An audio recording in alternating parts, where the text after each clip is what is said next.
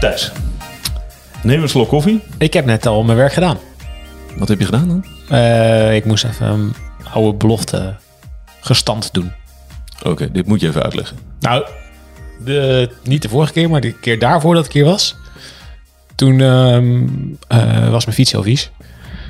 En toen heeft eh, de gastvrouw van vandaag mijn fiets nog even staan af te spuiten. Toen ik haast had en weg moest. Dus toen zei ik, nou, de volgende keer doe ik het voor jou. Dus toen kwamen we hier aan. En En toen deed jij iets wat ik, wat ik, wat ik... Kijk, heel veel mensen komen een huis binnen en dan kijk je even naar de boekenkast. En dan kijk je even, wat leest diegene en wat voor foto's hangen er. En, en jij keek gelijk even in het schuurtje in de achtertuin. Ja, ik, toch even checken, ja. even kijken wat er precies in stond. En toen zag ik daar een gele Canyon staan. Die eh, we allemaal wel herkennen van tv, denk ik. Ja. En hij was vies. Dus toen dacht ik, ja, hey, hier kan ik mijn belofte meteen eventjes nakomen. Heel goed. Dus ik heb even eerst... Ik ben begonnen met, een, eh, met de fiets staan te poetsen. Ik dacht eigenlijk dat het een grap was, maar hij is dus echt schoon. Nou, relaxed. Hij, gewoon, hij staat ook weer terug in de... en met, met doek. Ik ben onder de indruk. Dus eh, dat geel was wel een beetje besmettelijk. Ja, heel erg. Oeh, Ja. is wel lastig. eh, als er een beetje, een beetje, een beetje van dat eh, zwarte smeer afkomt, is het lastig om eraf te halen. U hoort het al, we zitten aan de keukentafel van eh Annemiek van Vleuten. Dankjewel Annemiek, dat we hier mogen zijn. Ehm, hoe is het met je? ja, goed. Ja? Ik sta nog lekker in de nageniet off-season modus. En dat betekent eh, lekker thuis zijn. En eh, fietsen als de zon schijnt. Met, vooral met goed gezelschap die ik al een tijd niet meer heb gezien. Ehm, en ook een beetje nagenieten van, eh, van het seizoen. Hoe is het met je elleboog? Ja, best oké. Ehm, maar het gaat nog even duren voordat hij genezen is. Want ik kan hem bijvoorbeeld nog niet strekken. Dat was ook eigenlijk de reden waarom ik met Tapre eh in, op het WK... dat ik hem vooral eh, niet door kan strekken. En als dat door kan strekken is het heel pijnlijk. Dus daar moet ik nog even eh, ook wel met de fysio denk ik mee aan de slag. Maar dat mag pas als het helemaal genezen is. Dus ja, ik ben nu vier weken verder denk ik. Dus ja, een normale broek heeft altijd wel zes tot acht weken nodig. Dus vanaf dan moet ik er een beetje mee aan de slag. Maar ik mag niet klagen. Het gooit, mijn off-season valt niet in het water door deze elleboog. Kan je ondertussen wel staan op je fiets? Ja, ja dat ging eh, in de ronde van Romandie kon ik dat ook alweer. Oké, je hebt geen beperkingen meer. Nee, Laten zien. ja, dat gaat gewoon niet Is, er- is er wat aan te zien? Nee. Het is vooral als ik eh, aan jou eh, dit wil aangeven, dat kan ik even niet. Ik kan niet een glas of zo aangeven. Dat, eh, dan is er even van, oh ja, er is toch nog wel iets niet helemaal oké in mijn elleboog. Ja. ja, we hebben hier ook wel eens eh, gezeten eh, toen Nou, toen kon je helemaal niks. Annemiek met een, met een soort krukje voor zich zat en een knie zo groot als een watermeloen. Zonder overdrijven. Dat was echt vreselijk. Maar dat was dan misschien wel een van de ergste blessures. Ook omdat ik niet helemaal wist dat dat toen goed zou komen. Dat was inderdaad 2018. Ja. Dat zei je, dit is misschien wel einde carrière. Ja. Ja, en was ook wel echt een hele pittige revalidatie. En dan heb je eigenlijk ook een heel goed seizoen gehad. En dat maakt me ook extra verdrietig. Dat je dan helemaal niet kan nagenieten. Ik was net wereldkampioen tijdrijder geworden 2018 voor de tweede keer. Je wil ervan nagenieten. En dan zie je gelijk, je wil van het hele seizoen eigenlijk een beetje wat ik nu eigenlijk kan doen. Soms komt dat pas, pas binnen als je gewoon even de tijd hebt om alles even los te laten. En ga je even dingen nakijken en even realiseren wat eigenlijk ja, wat je het afgelopen seizoen hebt gedaan. Je holt altijd maar door naar je volgende doel. Mhm. Ja, en, en toen met dat plaatsen, in plaats van eh, genieten met het eh, volle focus op een revalidatieproces. Ja. Hoe, hoe doe je dat nu dan? Hoe, hoe, welke momenten, neem ons even mee in welke momenten je dan nu nageniet van het afgelopen seizoen.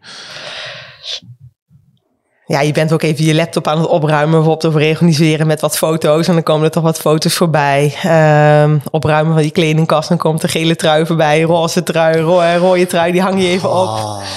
Eh,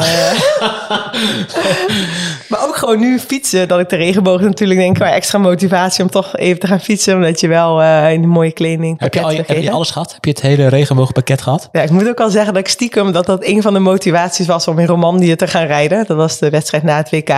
Ik had ook nog wel zin hoor, om met mijn ploeg weer even te zien.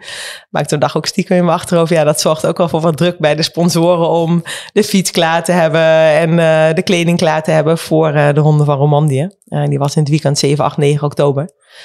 Dus toen ging ik lekker naar huis met. ik ben ook, was ook jarig dat weekend, dus ik heb mezelf heel veel mooie witte regenboogkleuren verjaardagscadeaus bezorgd door daar te gaan rijden.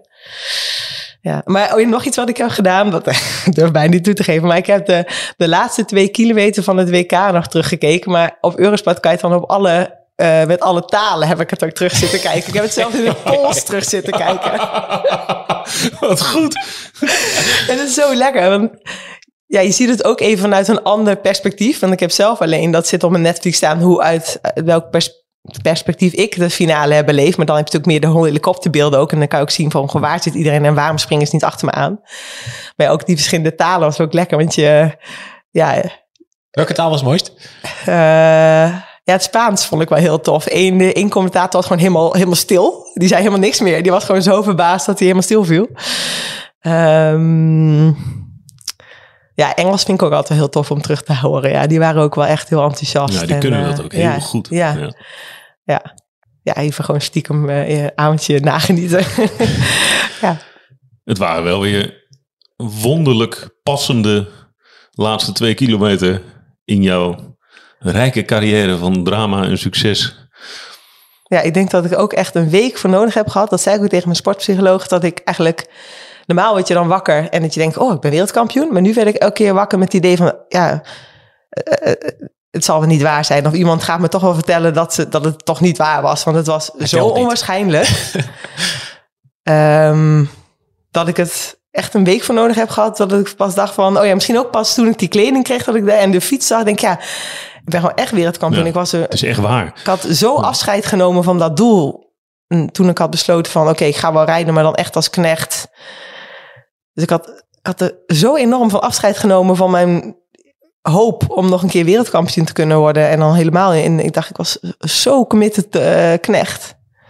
Ik dacht ook helemaal niet dat ik de finish ging halen op het WK. Ik dacht, nou, ik ga wel ik ga proberen iets voor Marianne te kunnen betekenen. Dat was eigenlijk het, het- als ik echt nog iets voor had kunnen betekenen, finale, dat leek mij het hoogst haalbare die dag.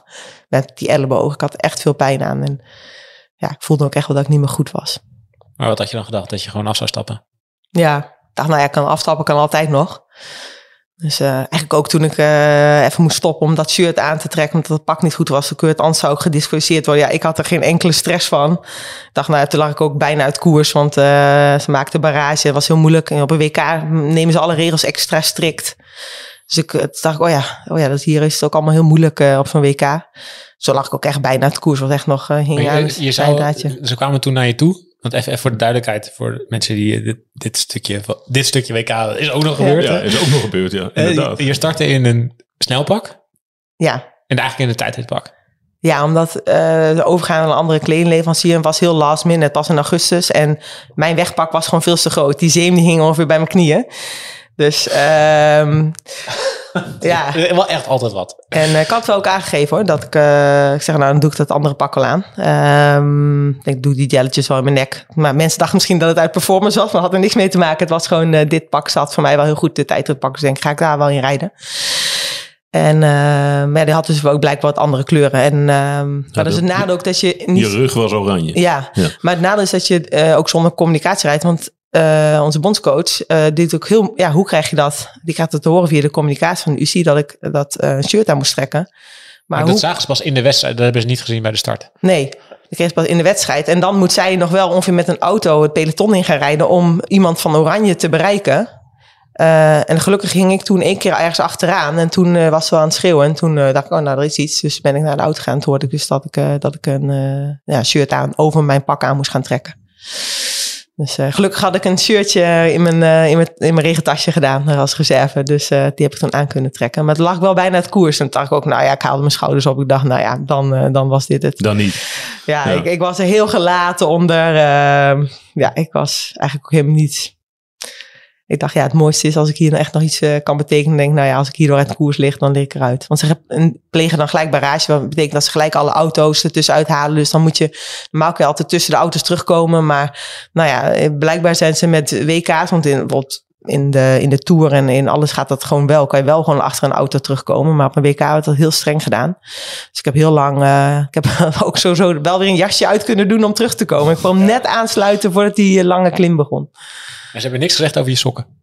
Nee, dat vond ik ook bijzonder. Ik had die best even omlaag. eh, dan had ik hem eh, mee gedaan. Mij, het was niet voor performance dat ik die sokken zo hoog had opgetrokken. Die waren voor mij gewoon veel te groot. Steunkousen. Ja, Ja, ik had echt een paar maat S aan. Maar eh, ik heb er wel een verzoekje ingediend of alsjeblieft die sokken volgende keer iets lager te maken. Want eh, ja, eh, bizarre lengte voor een maat S. In ieder geval wel voor mijn benen.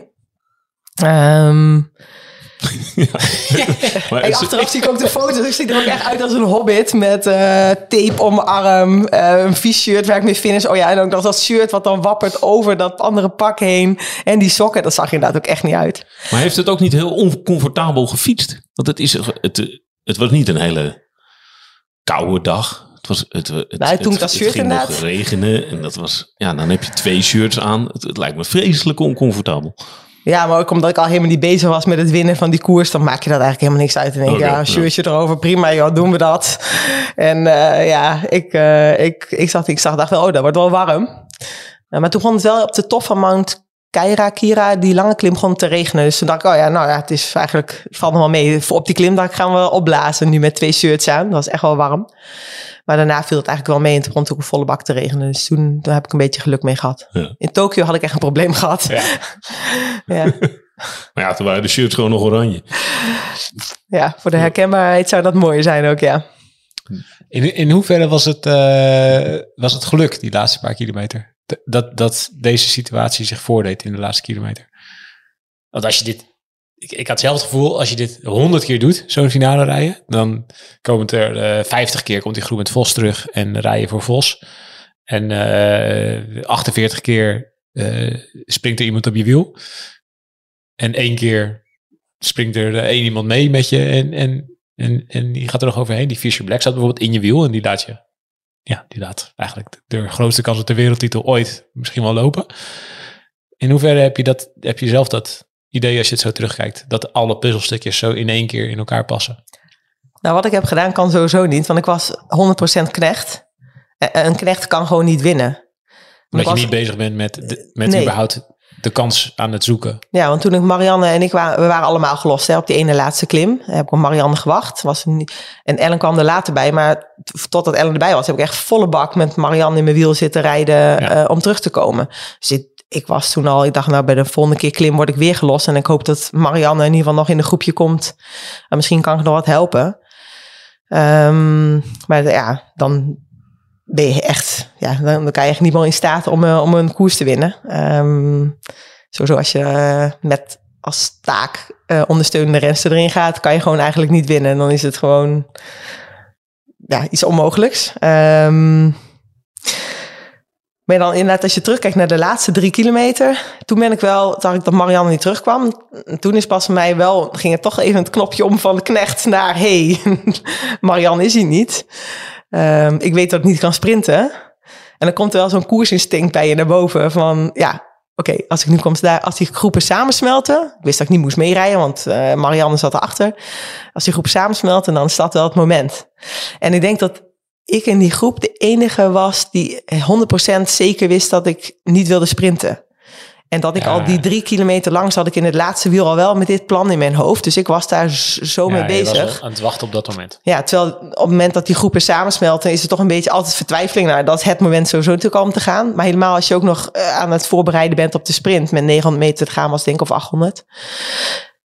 Ja, dan ben je denk ik niet meer zo bedacht op die aanval. Ehm, en daarbij had ik ook wel in dit geval het geluk zonder oortjes. Eh, want anders krijgen ze informatie uh, en Peter even van Vleuten komt aansluiten. Pas op voor een aanval van Van Vleuten. Dan wordt je ploegleider daar een beetje wat meer attenter op gemaakt. En dan hadden ze ja, misschien wel uh, mijn aanval, uh, hadden ze meer achterom gekeken, hadden ze wel mijn aanval zien aankomen.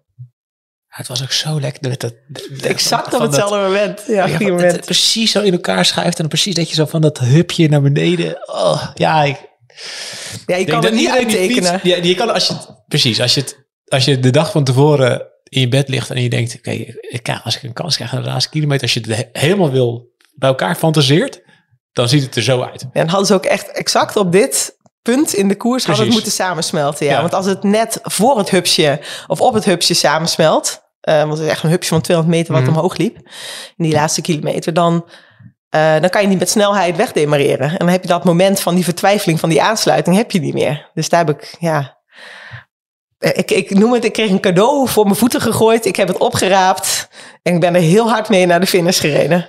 Ja, oké. Maar dat klinkt wel een beetje... eh, eh, ja, ik snap wat je bedoelt. En mijn vraagstelling was misschien ook wel een beetje zo. In hoeverre is het gelukt? Maar dat je überhaupt in de positie komt om een cadeau te ontvangen is natuurlijk...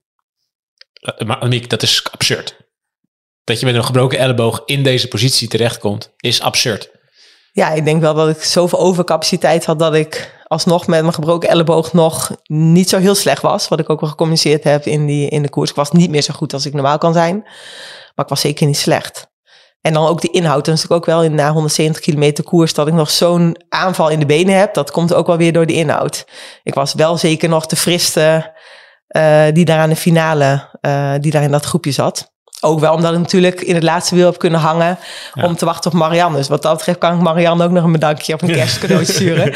Ehm, ja, daar heb ik natuurlijk ook van geprofiteerd. Maar dat is natuurlijk ook koers. Nee, die Eh. Duitser rijdt het gat voor je dicht. Ja.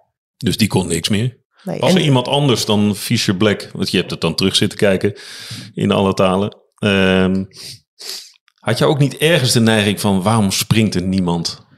Nou, wat eigenlijk niet klopt, is dat de Italianen waren met twee. En die hebben die Persico, die is sneller dan Longoborghini. Dus eh, ik, ik weet niet, ze wordt altijd heel geroemd over eh, hoe goed de Italianen samenwerken. Maar in dit geval absoluut niet. Want Longoborghini had gelijk moeten reageren en gelijk moeten gaan rijden. Ja.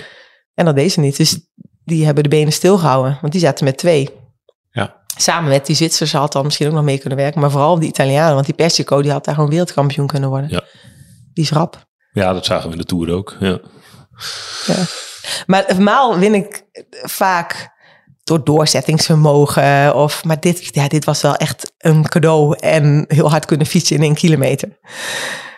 Ja, Ja, normaal gesproken win je niet door een tactisch foefje. Nee. En dan Nee, zei ook tegen mij van... Nou, rijden ze eindelijk een keer bergop eraf. Win je op het vlakke. Vond ik wel een mooie samenvatting. Maar ja, maar ook- het, het is het doorzettingsvermogen wat natuurlijk de basis heeft gevormd. Want anders zit je daar niet. Nou, wat wel is dat ik... Oké, ik was echt heel erg in een eh, depressieve modus op het WK uiteindelijk na die teamrelay. Dat mijn hele WK-droom eh, natuurlijk in duigen valt. En dan raad ik mezelf wel bij elkaar. Dan denk ik, ja, hoe kan ik hier nog wel met een beter gevoel het WK-toneel eh, of in het WK-vliegtuig eh, stappen? Is als ik toch eh, een steentje kan bijdragen aan de overwinning van Marianne. Dan zou ik toch wel eh, in ieder geval mezelf een cadeau geven. Door in ieder geval met een iets minder slecht gevoel het WK te verlaten.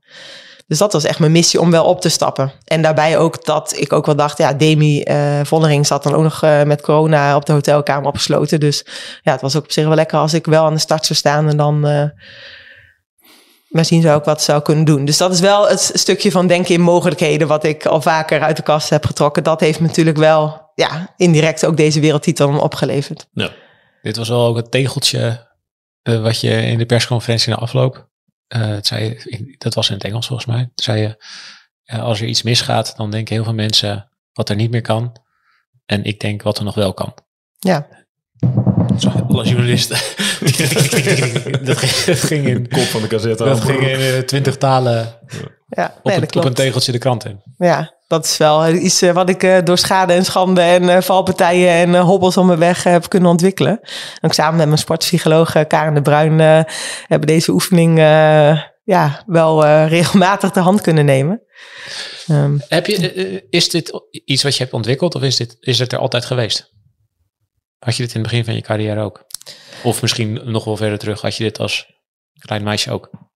ja, ik denk dat ik eh, altijd wel optimis- optimistische inslag heb. Ehm, en helemaal als ik denk aan hoe mijn moeder ehm, het eh, om is gegaan met het eh, overlijden van mijn vader.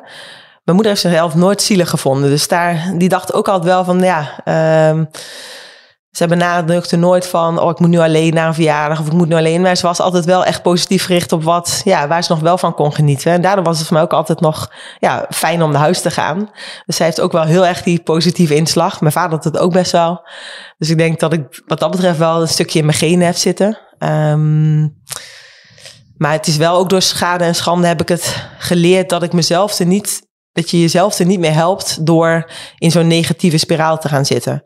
Dus door gewoon op mijn bed te blijven liggen op het WK en dan de wegwedstrijd te gaan kijken. Ja, de, en jezelf zielig te vinden dat het WK zo is verprutst.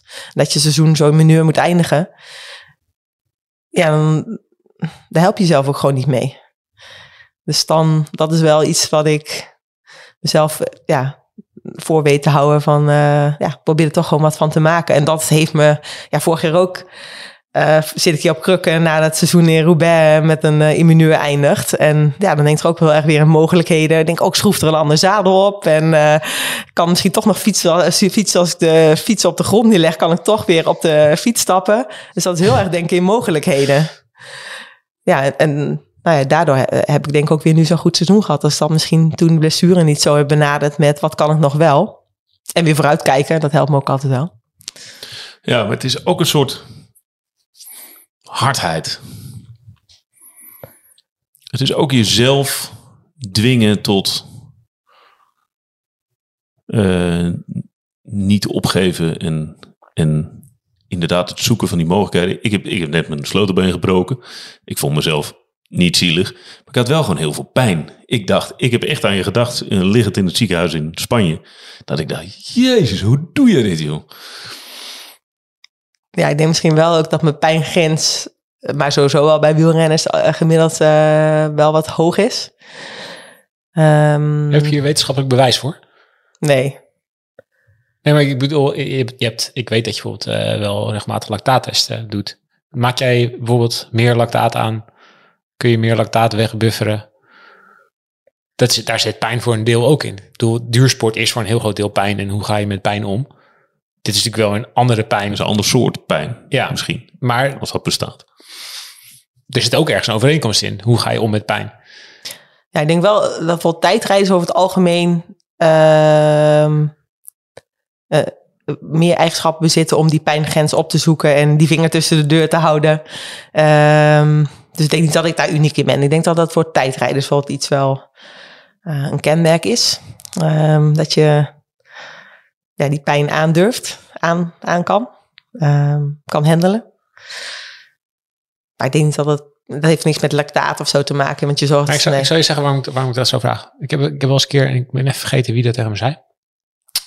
Um, maar je hebt geprobeerd om op de baan uh, te kijken hoe ver je kwam. Dus je hebt achtervolgingen gereden op de baan, individueel. En uh, daar zijn ook allerlei lactaattesten toen gedaan.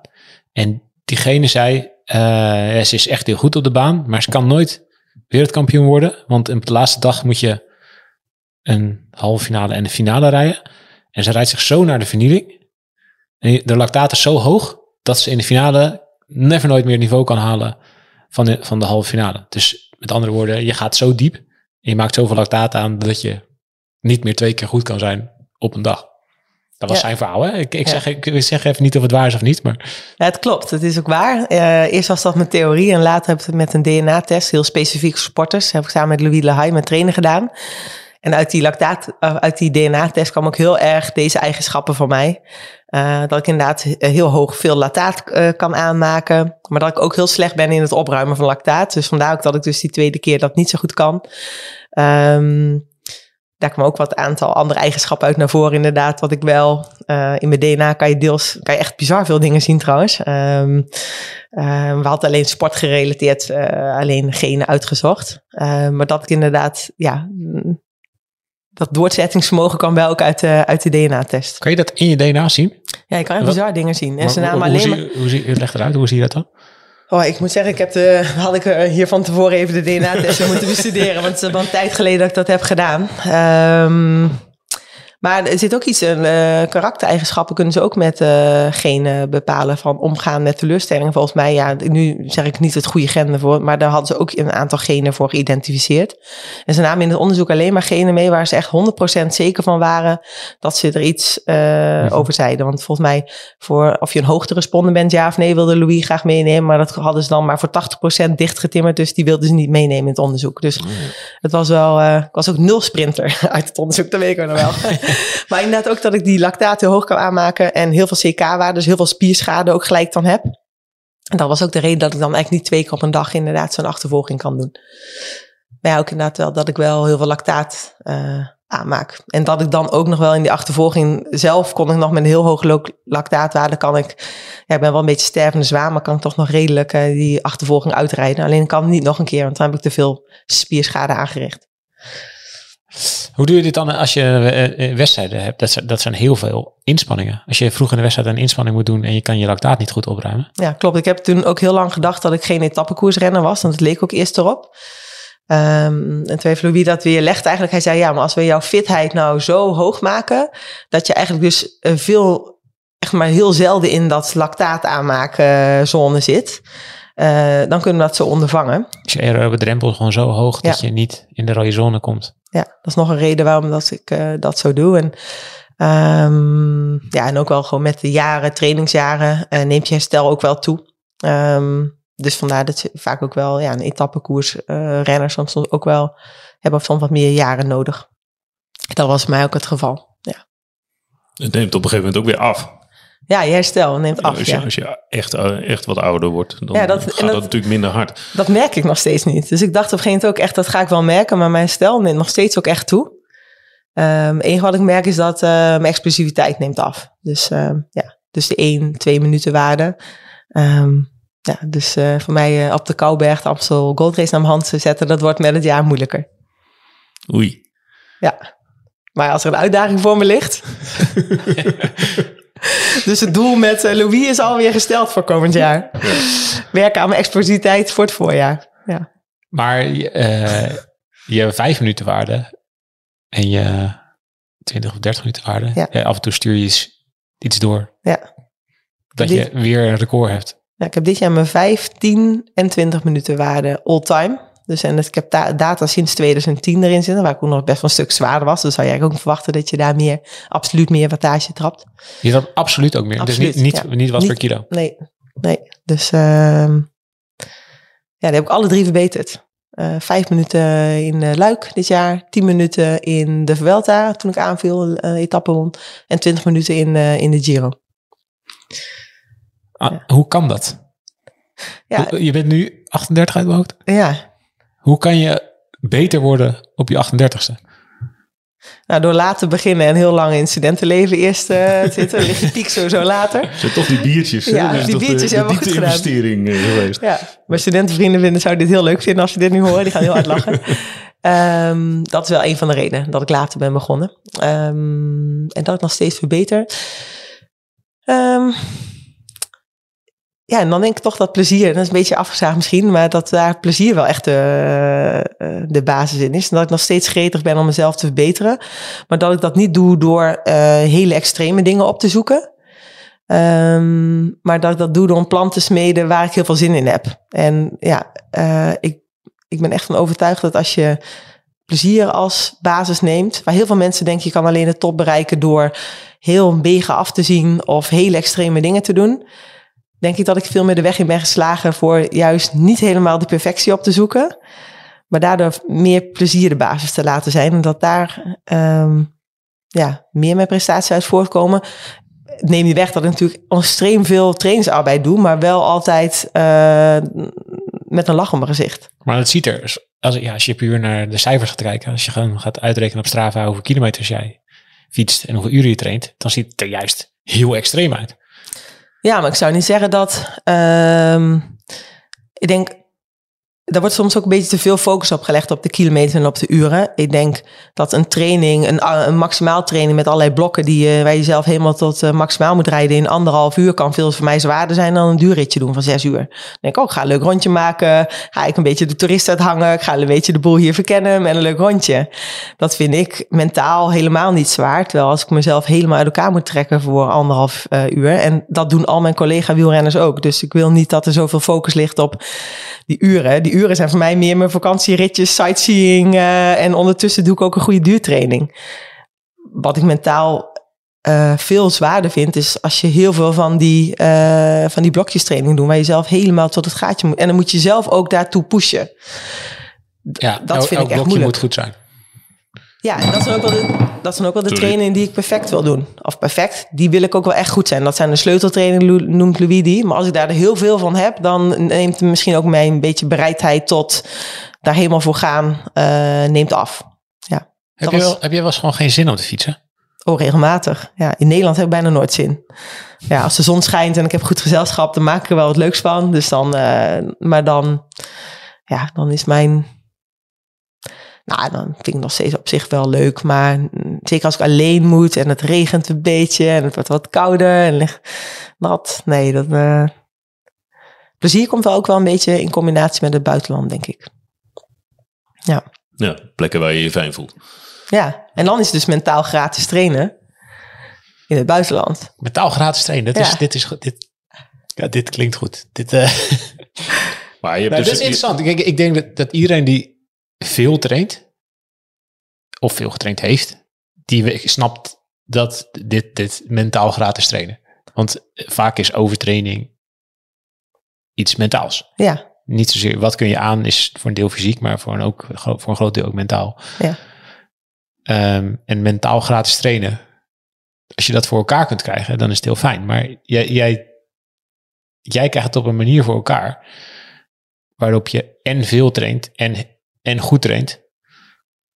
En jij, jij kan nu wel lekker zeggen ja, ga ik lekker sightseeën en weet ik wat. Maar er zijn natuurlijk hordes wielrenners of schaatsers, hardlopers, weet ik veel, die het allemaal op dezelfde manier willen doen en die het niet lukt.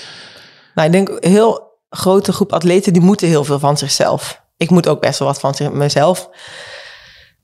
Ehm, ik leg de lat ook graag hoog en ik ben stiekem eigenlijk ook wel een perfectionist. Maar hoe meer je perfectionist bent, denk ik, dan is het ook moeilijker om tevreden zijn na een ritje. En dan ga je ook eerder aan zitten storen als de kofferstop toevallig een half uurtje duurt in plaats van tien minuten. Wat misschien beter zou zijn voor de trainingsopbrengst.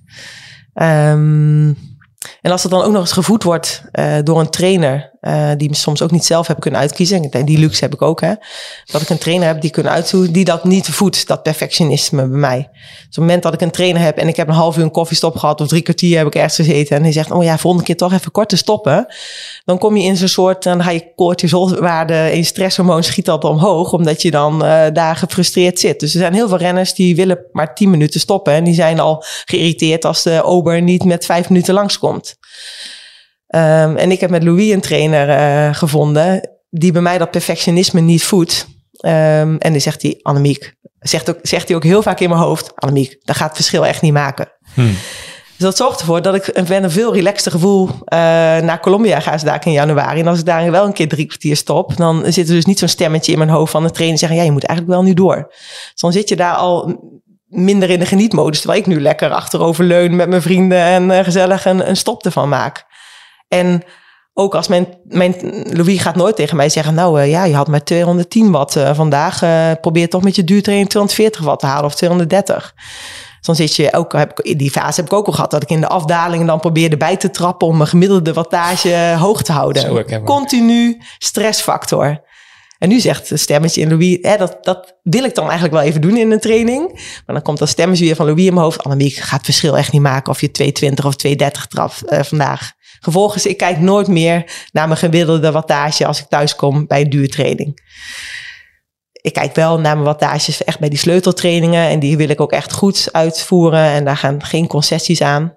Maar ook daar had ik eerder wel dat ik gefrustreerd kon zijn als bepaalde wattages niet trapte. En nu denk ik, komt er vaak bij Louis een bericht. Ja, nou, de wattages waren fantastisch. Maar training effect zal er wel zijn, want het deed flink pijn. Dus Wat doe je als je, eh, na, je hebt een rondje van vier uur moet je maken en je bent na drie uur en 55 minuten thuis? Ga je dan de straat heen en weer rijden of, of zet je een fiets in de schuur en denk je nou, pff, boeien. Ja, Louis maakt ook altijd grappen over. Als ik in Nederland ben, dan is het heel vaak drie uur, drie kwartier. En eh, dan, staat die, dan ben ik gewoon terug en ik ga echt niet eh, een extra rondje bij maken. Waar ik dat vroeger wel deed. Ehm, dus ook met een andere trainer. Eh, vond ik dat niet fijn. Vier uur moest dan echt vier uur zijn. Dus dat zit wel heel erg in mijn systeem. Eh, maar dat heb ik gewoon los kunnen laten door Louis. Dus daar heb ik geluk mee dat ik iemand om mijn pad is gekomen die dat bij mij niet is gaan voeden, dat perfectionisme. En soms zie ik best wel vaak bij eh, renners die dan ja, al zo'n perfectionist zijn, dan hebben ze ook nog zo'n perfectionist als trainer. Vaak is dat ook uit onzekerheid van de trainer, heb ik soms het idee dat. Dat is allemaal fratsen, zegt Louis ook altijd. Ja, daar zou ik, word ik ook echt niet blij van. Dat je elke keer moeten ze een oefeningetje doen, een RPM-oefeningetje. Daar word je mentaal ook heel moe van. Ja. Dus ik ga ook naar Colombia niet met elke dag eh, allerlei fratsen die ik uit moet voeren. Ik heb een aantal sleuteltrainingen die ik moet doen. Maar verder is doe ik niet heel veel allerlei oefeningetjes tussendoor. Dat maakt je mentaal ook heel moe. Als je elke keer wat moet van jezelf. En de vraag Dit. is, Ja, elke dans trainetje dat. ja, ik heb ook eerder nuchter trainingen moeten doen met Louis. En op een gegeven moment zei ik, ja Louis, ik word hier echt niet blij van. Ik word hier gewoon een minder blij atleet van. Nou, Ja, die dus zijn is toen gewoon niet ontbijten en meteen fietsen. Ja, Of laag glycogeen, dus dat je 's ochtends moest trainen en dan nog een keer alleen de ei eh, moest bakken en dan moest je smiddags weer op de fiets gaan. Ja, die, dat heb ik ook gehad. Ik werd daar zo niet blij van. En op een gegeven moment moest ik ook al de avond van tevoren de koolhydraten laten staan. Dus kon je ook weer helemaal niet meer gezellig eten met je vrienden de avond van tevoren. Dan zat je weer je eigen prakje te eten. Ja, ook dat soort dingen, dat, daar gaat Louis ook wel mee. Ik zeg, ja, sowieso denk ik niet dat het voor mij het verschil gaat maken. Mijn vetverbranding is al best goed. Ehm, die optimaliseer je ook met lange duurtrainingen. Uh, nou, en die, worden, die zijn, hebben we ook samen geschrapt. Toch komt er een punt dat, de, dat dat stemmetje, dit gaat het verschil niet maken, natuurlijk ook, het zou ook te vaak in je hoofd kunnen zitten. Want ergens gaat het natuurlijk wel het verschil maken. Ja. Wat is, wat is het punt waarvan je denkt, het, hoe vaak komt het voor dat zo'n sleuteltraining niet goed gaat? Dat is ook een soort meetmoment voor je, denk ik. Ja, nou bijvoorbeeld uh, na de Tour de France ging ik uh, wat meer op de tijdritfiets trainen. Toen merkte ik wel dat ik niet meer de wattages daar kon rijden dan die ik deed in de voorbereiding naar Tokio. Toen gooide dat nog een beetje op van, nou ja, misschien je hebt ook net de Tour gewonnen. Misschien uh, ja, is het ook wat moeilijker nu na zo'n succesvol seizoen om jezelf op die tijdritfiets nog zo helemaal te pushen. Merkte ook wel een beetje het heilige vuur, vuur was bij mij misschien ook wel een beetje uit naar Tokio. Uh, voor het tijdrijden, omdat ik het iets meer van het spel geniet. En tijdrijden is heel gecontroleerd. Daar vind ik, ja, ik geniet wel iets meer van het spel. Dus zou ook wel weer een beetje meer dat happy cyclist perform better uh, ja. verhaal. Um, ik heb, soms denk ik daarbij wel eens, ja, dan kan je iets meer te veel op een glijdende schaal terechtkomen inderdaad. Maar daar ben ik dan ook wel weer veel te veel perfectionist voor dat me dat uh, voorkomt. En ik weet ook, ik kan me herinneren toen Chloe Duikert uh, ten tonele verscheen in, uh, in Yorkshire. Toen was dat voor mij ook wel een moment. dacht oh, als ik deze vrouw wil verslaan. Die werd toen wereldkampioen tijdrijden in Yorkshire. Echt met een heel groot verschil. Hoe, ja. Als die in Tokio wil verslaan, dan moet ik toch niet meer zo... Misschien moet ik dan toch wel helemaal op het tijdrijden, helemaal op de details gaan zitten. En misschien moet ik mezelf dan toch mijn blokjes op de wattbike gaan uitvoeren, gecontroleerd. En dat past helemaal niet bij mij. Heb ik uiteindelijk ook helemaal niet gedaan. Nee. Um, maar toen was het inderdaad wel een moment dat, dat ik dacht. wel aangewakkerd. Ja, en dat ja. is bij tijdrijden wordt het ook wel meer aangewakkerd. Ik zeg trouwens ook altijd vaak daardoor, ik ben geen tijdrijder. Ik ben iemand die veel meer van het spel geniet. Ik kan toevallig goed tijdrijden. Zei je in Australië ook. Ja. ja ja, de echte tijdrijders, zeg ik het dan wat over. Daar reken ik mezelf helemaal niet onder. Want dat zijn vaak veel meer uh, mensen die uh, heel erg houden van structuur, van blokjes en ook wattages bij de blokjes, die heel erg ook in die getallen allemaal zitten. En dat heb ik allemaal wat meer losgelaten, gelukkig, voor mezelf. Um, maar dat zei ook wel dat ik tijdrijden, tijdrittrainingen minder van geniet dan gewoon lekker in de Gavia, lekker daar omhoog knallen en daar een paar blokjes doen. Hm. Vind je fiets nu leuker dan uh, tien jaar terug? Veel leuker. Ja, dus ik denk wel als jouw vragen terugkomen van waarom gaat het steeds beter? Eigenlijk omdat ik het bijna elk jaar leuk vind. Daarom vind ik het ook heel moeilijk dat ik ga stoppen, omdat ik het nog zo leuk vind. Ik, ik ga het ja, bijna gewoon. Kijk nu al weer uit om 2 uh, november met uh, Louis, mijn trainer, uit eten te gaan en dan weer een plannetje voor volgend jaar te smeden. Dus ja, ik, ehm, doordat ik ja, net ja, een beetje die 5% van de tijd dat perfectionisme niet heb en mezelf dat toesta en eigenlijk ook ben gaan omarmen dat ik niet perfect ben. Uh, en dat ik ook goede prestaties haal door het niet helemaal perfect aan te pakken. Ja, daardoor uh, ben ik wel een veel gelukkiger mens geworden. Atleet ook en veel relaxter. Ja. Maar, maar wel beter. Steeds, ja, wel beter en hardwerkend. Ja, mijn vriend was met me mee in Livigno en die, die komt ook nog uit een tijd, heeft in, in, bij Saunier Duval in het opleidingsteam gezeten. Ja, er ging ook een beetje de ogen bij hem open van wow, zo kan het dus ook. Die komt nog helemaal uit de tijd van je kan alleen maar de top bereiken als het trainen mag niet leuk zijn. Want als het leuk is, train je niet hard genoeg. Uh, vooral niet stoppen of als je stopt maar vijf minuten. Dus die kwam nog helemaal uit die oude dogma's. Maar ja. dat, is toch, dat zijn ook toch nieuwe dogma's? Er worden ook nu nog steeds heel veel jonge renners en renners op die manier opgeleid, toch? Ja. Met allemaal alleen maar focus op de getalletjes. Ja, ik heb ook in de tijd, in het begin van mijn carrière, nou, dat was echt not dan dat je een dessert nam, bijvoorbeeld uh, in het hotel toen je in een trainingskamp zat. Toen kwam ik bij Midston Scott. Nou, iedereen nam gewoon een taartje en ook bij de koffiestop nam iedereen taart. Dus dat was al een beetje de eerste, een beetje ook weg uit dat Nederlandse, die willen ook liever maar vijf minuten stoppen, terwijl die Australiërs waren er al veel relaxter in. Dus dat heeft me ook wel heel goed gedaan. Dus ik misschien niet alleen met trainen als ik nu terugdenk. Maar bijvoorbeeld ik kan me ook heel goed herinneren dat ik het boek had geleden, lezen van Maarten van der Weijden. En dat vond ik zo extreem. En dat heeft voor mij.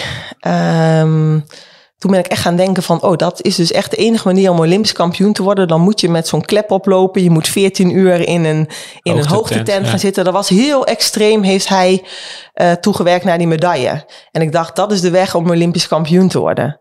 En ik ben nu heel gelukkig en ik probeer het ook een beetje eh, weerwoord aan te eh, bieden, dat dat niet de enige weg is om Olympisch kampioen te worden. Want ik zo ben ik niet Olympisch kampioen geworden. En ik heb zelfs geen hoogtetent, omdat ik denk, daar word ik niet gelukkig van. Ik ga liever lekker slapen en dan, ik word wel gelukkig op een berg, dus dan ga ik maar iets vaker daarheen. En ook dat hele extreme, dat, er wordt vraag ook door de media zo neergezet, denk ik wel eens, dat, je, dat dat de enige manier is. En daar ga je als jonge renner heel snel in mee. En dat hou je soms wel een jaar vol. Dat zie ik vaak, een jaar of twee jaar. En daarna branden ze af. Dus ik denk ook vooral dat deze manier van trainen die ik nu meer ben gaan ontdekken de laatste jaren is ook meer eh, duurzaam. En ik denk dat dat ook belangrijk is. En ik wil Ja, ook is wel dat graag... schuld? Ik vind het interessant. Dat is, ik geloof, ik, ik ben het wel met je eens, denk ik. Maar is dat de schuld van de media? Doen wij, doen, zijn wij daar heel erg mee bezig om het een soort, eh, om succes een soort maakbaar en verklaarbaar te, te maken? Van ja, als je er dus heel veel voor doet of er heel veel voor laat, dan krijg je er ook heel veel voor terug. Om dat maar de hele tijd, die boodschap maar de hele tijd door te geven. Ja, ik denk dat dat wel een beetje wordt geframed, ja. En, maar dat is natuurlijk logisch, want je wil gewoon verhalen schrijven. En dat is natuurlijk ook, hij heeft daar heel extreem ook voor geleefd. Eh, heel veel respect voor hem, dat hij dat ook op kon brengen. Ehm, is ook vaak het verhaal van de sporter zelf. Hè? Die, Ja. die zegt ook vaak als ze hebben gewonnen, ik heb er ook heel veel voor gelaten. En dit is de beloning voor, weet ik veel. ja, Niels van der Poel eh, komt ook met, eh, ja, Ja. de sport is natuurlijk ook wel verhalen Schaatser. en achtergronden. En hoe, hoe ben je tot die superprestatie gekomen? Ehm, ja, e- eigenlijk heb ik dus niet zo'n verhaal. Ik wil je juist, ja, ik heb ook een verhaal, maar eh, niet per se ehm, dat extreem op. Of Nou, in Niels van der nou, Poel ook wel weer een extreem- mooie balans. Het is natuurlijk wel extreem. Wat Ja. je doet is, kijk, als jij, als je het puur gaat zeggen, jij, je bent, er, is, er zit hier iemand voor ons die drie keer met een gebroken bot een, een WK heeft gefinished als zevende, tweede en eerste. Die eh, nou ja, de meeste Strava kilometers en uren maakt van alle renners bij elkaar. Eh, en als je alleen maar kijkt naar je erenlijst en de manier waarop je de meeste overwinningen haalt, gewoon door iedereen uit het wiel te fietsen dan dat, daar kan je niet omheen dat dat wel vrij extreem is. Alleen wat je zegt is dat die, dat, dat extreme niet hoeft samen te gaan met een, met een dagelijkse, dat alles helemaal in het tekenen van staat. Van alleen maar heel extreem bezig zijn. En dat er dus een ruimte moet zijn. Jij noemt het 5% Ja, voor plezier en juist iets los. Of heb- vertaal ik het nu verkeerd? Nee, ik denk het wel. Alleen, het verschil is wel dat ik die uren maak ik met plezier. Dus als Louis mij op gaat leggen dat ik vier keer per week zo'n zware intervaltraining moet doen, dan zou ik, nou ja, of Louis eh, zeggen, dat gaat er niet worden. Ehm, wat bij mij werkt dan ook zo, als ik het dan maar twee keer per week ga doen, maar ik weet dat eigenlijk Louis vindt dat ik het vier keer per week moet doen, ja, dan ehm, ga ik me schuldig voelen. Ik doe wel extreme dingen en ik zoek ook eh, buiten mijn comfortzone wel eh, heel erg de grens op. Van wat kan mijn lichaam aan? Dus ik blijf niet in mijn Op trainingskamp comfortzone. mee met de ja, mannen. ja, ik zorg wel echt de grens op. Ja. ja. Ik denk dat de buren aan het boren zijn. Misschien moeten we even stoppen. Even ze uit laten boren.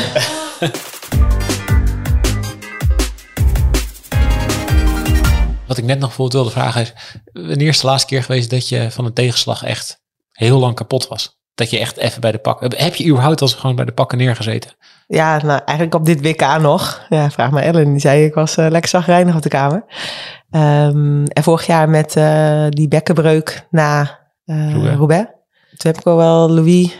Was wel... mm, nou, binnen 24 uur belde ik Louis en zei hij... Zei ik, ja, ik, ik- het, het raakt op nu. Mijn veerkracht is op aan het raken voor dit soort tegenslagen. En toen zei hij wel, ja, oké... Maar ja, jouw kennende, de liefde van het fiets, van voor de fiets gaat het eh, snel weer van, daarvan winnen. En eh, klopt, ja, 48 uur later zat ik alweer op een home trainer en keek ik alweer vooruit. Dus ik blijf niet zo lang in, die, eh, in dat negatieve hangen. En het allerlangste heb ik erin gezeten na Rio. Ja, dat weet ik nog wel. Ja, de verwijtbare fout van mezelf vooral. Dat versterkte dat heel erg, dat negatieve. Dat ik erg in bleef hangen. Ja, daar heb ik al twee weken slecht van geweest. Twee weken slecht van Olympische verloren Hmm. titel. Dus Ja. valt alles mee hoor. Ja.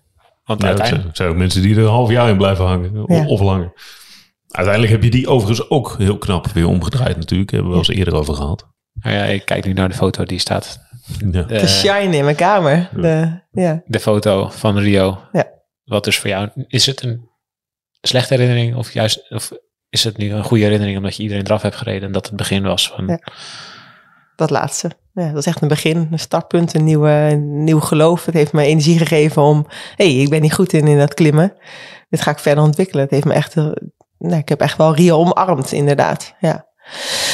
Dus ja, het is wel de oefening eruit halen, het goede eruit halen. En eh, niet te blijven hangen in, eh, in het niet zo leuke. Die, die heb ik wel, eh, die skill heb ik wel eh, inmiddels goed ontwikkeld, ja. En die komt heel vaak eh, van pas. Dus ja, die kwam dit WK ook weer heel goed van pas.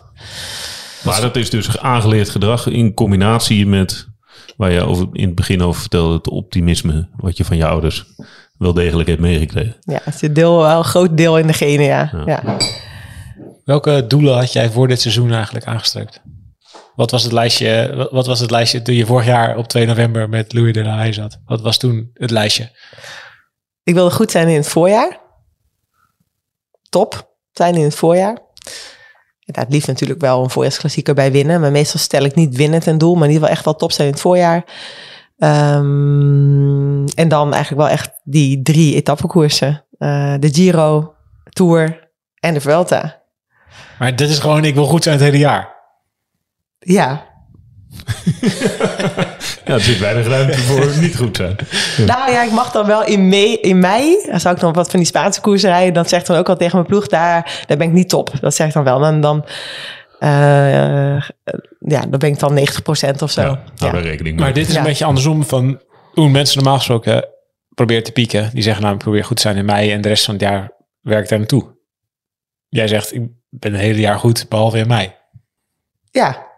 Nou, ook omdat ik die formule heb gevonden, dat ik weet wat ik mentaal op laat plunten. Dus in dat, dat plan met Louis zit ook wel heel erg van welke, welke periodes eh, laat ik een beetje de teugels vieren. Ehm, en eh, zorg ik dat mijn batterij weer opgeladen wordt. Dus dat was ook het, de uitdaging die we dit jaar hadden van en de Giro en de Tour doen. En zijn maar twaalf dagen tussen volgens mij. Dus dan heb je, ik trek mezelf best wel leeg met het gaan van een etappekoers. Elke dag sta je onder spanning. Ook etappes waar je niks te zoeken hebt. Je moet altijd super gefocust blijven. En dat trekt mijn batterij wel heel erg leeg. Ehm, en dan is best wel de kunst van hoe ga ik dan in twaalf dagen mezelf weer, weer opladen. Nou, en dan eh, hadden we bedacht, nou, we gaan, gaan toch terug naar Livigno. Dat dat voor mij werkt. En nodig daar wat gezellige mensen uit. Ik weet ook dat ik daar dan niet alleen moet zitten. Maar Louis kwam ook langs. En ik heb nu ook heel leuke tijd gehad met Lennart Hofstede en Tom Dumoulin. Die waren er met de camper langs. Ja, dat was ook gewoon...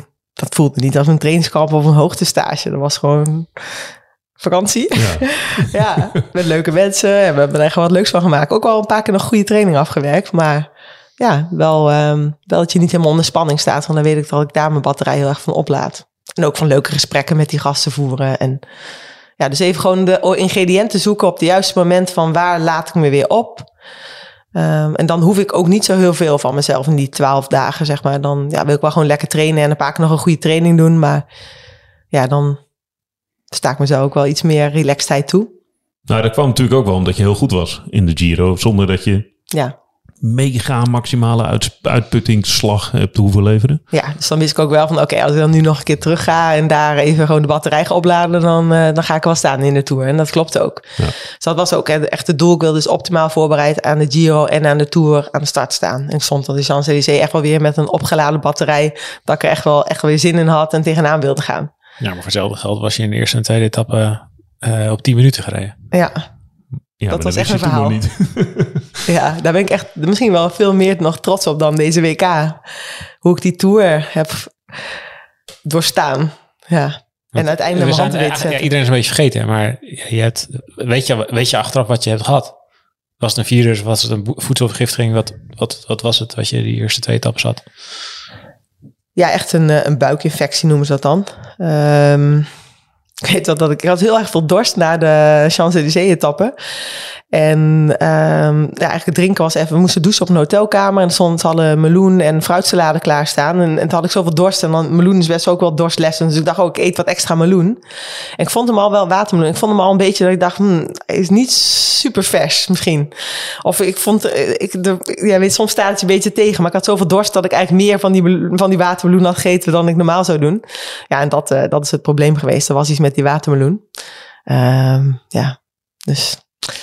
En eh, die zag ik drie dagen later nog eh, op het toilet eh, voorbij komen. Dus ja, die is onverteerd in mijn systeem gebleven. En daar ben ik ziek van geworden. Denk ik in ieder geval. Dus dan ja, een infectie of wat ermee is gekomen. Maar Ja. mijn andere ploeggenoten hadden er geen last van. Die hebben er ook van gegeten. Dus waarschijnlijk, ik weet niet, misschien heb ik er echt... misschien een combinatie van iets anders. Dus. En voor de duidelijkheid, hoe ziek was je? Ik kon mijn koffer echt op dinsdag, of eh, ja, nee, eh, dat was niet dinsdag, dat was het, eh, de tweede etappe. Ik kon die gewoon niet ja. inpakken zelf. Dat hebben ze voor me moeten doen. En eh, ik weet wel dat ik naar jullie podcast zat te luisteren en dat Thijs heel enthousiast vertelde in de podcast over de waaiers, alleen maar op de kant. en de moed zonk in mijn schoenen met hoe enthousiast hij werd in de podcast, hoe meer ik... Hoe zwarter ik- ja. jij het voor je zag. Ik luisterde eigenlijk ook naar je podcast, omdat ik ook te ziek was om de etappe voor te bereiden via mijn laptop. Dus ik dacht, nou, jij hebt al een beetje, eh, ik denk, laat Thijs even bijpraten over eh, waar zitten de uitdagingen. Ja, ik had ook echt niet energie om eh Velo Viewer te openen of zo. En ja, jij was zo enthousiast. Ik dacht, oh, als ze het vanuit het begin op de kant trekken, dan denk ik, ja, dan ga ik de Tour hier niet, niet winnen. Maar ja, ook dan weer denk ik, ja, kan er nu niks aan doen. Het best wel maken. En eh, mijn ploeg heeft wel echt ook heel goed werk gedaan. Mijn neus heeft geen wind gevoeld die dag. Ik heb alleen maar in het wiel gezeten. Ik verloor ook wel tijd. Maar Maar Ja. niet, maar, niet, Ja. maar als, Maar ze, daar, niet als ze daar dus in het begin wel een Ja. keer hadden doorgetrokken, wat zeker had gekund, omdat de wind echt wel goed stond. ja, ze trokken wel één keer door. Ze zetten één keer een waaier op, wel vrij eh, vroeg in het begin. Maar dus had ik daar wel gewoon, dacht ik, daar moet ik wel gelijk bij zitten. Want anders rook, ruiken ze natuurlijk ook eh, van, nee, ze zitten niet bij. Dan wordt er echt vol doorgereden. Dus ik zat wel gelijk in die waaier goed gepositioneerd. Ehm, en dat scheelde me zo ook wel dat er niet alle favorieten zaten in die eerste waaier. Dus ja, dan werd er niet vol eh, doorgetrokken. Maar als ze daar wel een, keer- als ze daar echt volle bak koers was geweest, dan was je gewoon op een kwartier gereden. Ik heb, ik heb daar nog wel een gedachte over gevormd in aanloop naar deze afspraak. Dat ik dacht, wetende hoe goed jij in de Giro was. En even uitgaande van het feit dat niemand wist dat je ziek was. Want dat overigens, hè, hebben we het ook over gehad. Dat heb je buitengewoon goed eh, geheim gehouden. Dan was het toch voor al die andere ploegen al noodzaak geweest om voor het slotweekend van de Tour jou in ieder geval te bestoken op werkelijk elk weggetje wat scherp links ging of eh, iets omlaag of weet ik veel waar. Elke mogelijkheid moest toch aangegrepen worden om jou onder druk te zetten. Überhaupt al. Ja, maar ik ontneem dan ook wel heel erg weer die motivatie, omdat ik mijn positionering meestal best wel goed. Ehm, dus dan ontneem je ook wel heel erg de motivatie als je elke keer daar van voren zit en als je elke keer heel attent bent. Ehm,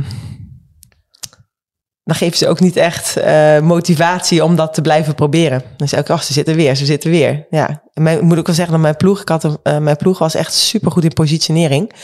Eh, ik heb dit jaar voor het eerst bij Movistar en het jaar daarvoor eigenlijk ook al wel dat ik echt merk, die meiden zijn zo goed in positioneren. Dat heb ik nog nooit om me heen gehad. Dus ik hoef ook veel. Normaal positie, positioneerde ik mezelf altijd veel meer. In dit geval, mijn team is daar eh, zo handig in dat ik eh, hun nou helemaal blindelings vertrouw. Als ik gewoon in het wiel ga zitten van Orbi en ik, dan weet ik, dan zit ik gewoon op het juiste moment voor voren. Dus dat is, eh, dat is ook wel heel relaxed. En ja, als je weet dat je elke keer uh, van voren ziet, dat ontneemt wel ehm, de gretigheid. Ja. Maar, Maar toch, eventjes, ja. hè, die, die, die rit, die- dus de eerste rit, even, even proberen eventjes de luisteraars mee te nemen. De eerste rit, de, eh, die Vos won. Eh, dus niet de Champs-Élysées rit, maar de, de dag erna, waaiers. Ja. Eh, op het laatst reden er één of twee waaiers weg. Ja. Eh, maar de finish was daar tegen een soort van hupsje op van een kilometer aan 4% of zo. Het stelde echt niet zoveel voor. En het was ook nog tegenwind.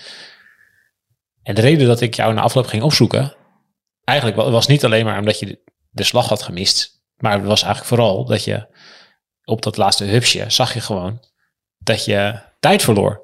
Dat je op een weg rechtdoor tegen de wind in, 4% omhoog, dat je daar gewoon naar achter zakte door die hele groep in, heen. Dat hebben toch andere ploegleiders hebben dat ook gezien. Die hebben toch ook gezien dat jij daar gewoon... Hey, ik dacht, wat de fuck, dit is, is helemaal niet goed. Nou, jij was scherp. Nee, maar dat... Ja. Ja, ik was scherp. Dat, ik neem aan dat zij toch naar dezelfde wedstrijd zitten te kijken? Ja, daar... eh, ja. Het is het hele jaar is het van Vleuten tegen Tsoepie. En heel veel van Vleuten tegen SD Works. Toch? Het hele, in het voorjaar hebben we dat keer op keer gezien. Waar SD Works gewoon alleen maar bezig is met rijden op jouw wiel. Zorgen dat ze niet wegrijdt. Er moet iemand in het wiel zitten. Of het nou Kopecky is of Vollering. Of, dat is met in Omloop het Nieuwsblad. Met Vollering in je wiel. Naar de laatste 10, 20 kilometer naar de, naar de finish rijden. Waar je dan nog een soort miraculeuze wijze het sprintje wint. Maar ook met Kopecky in alle wedstrijden daarna. Zelfs de Amsterdam Gold Race die door Cavalli wordt gewonnen. Is eigenlijk... Komt omdat jij en SD Works met elkaar in de clinch liggen. En zij wegrijdt en niemand erachteraan rijdt. En dan kom je in de Tour. En dan is ESD, ESD Works heeft de twee grootste uitdagers misschien wel in het team. En dan vallen ze je niet aan. Ik snap heel erg dat jij hiermee komt. Maar ik heb er ook, ben daar zo niet mee bezig. En ook met deze vraag heb ik mezelf gewoon nooit gesteld. Ik snap dat jij die als journalist stelt. Want ik ben dat zo als atleet gefocust op mijn eigen... eh, ja, de dingen die ik onder controle heb. Eh, mijn eigen prestatie. En wat zij dan doen aan tactiek, dat heb ik gewoon... Ja, dat, dat interesseert me ook eigenlijk niet zo heel veel. Ehm, dat is natuurlijk wel heel leuk voor de tv-kijker die zich dat afvraagt. En dat laat dan lekker aan jullie over. Ehm, ja, misschien gooiden ze toen over een andere boeg. Ik weet het niet. Ze waren inderdaad op het, vo- in het voorjaar heel erg op mij, misschien ook te veel op mij gefocust. Ehm, ja, misschien dat ze het over een andere boeg wilden gooien. En, en het was ook echt, hè, in de Tour ehm, waren echt wel veel meer eh kanshebbers. Bijvoorbeeld die Cavalli ook, die viel er wel heel snel uit. Maar ja, ik denk Ja. dat... eh, Dat was een, dat was een, echt een kanshebster geweest. daar krijg ik volgend jaar echt een hele zware kuif aan. Dus eh, dat weet ik zeker, ja.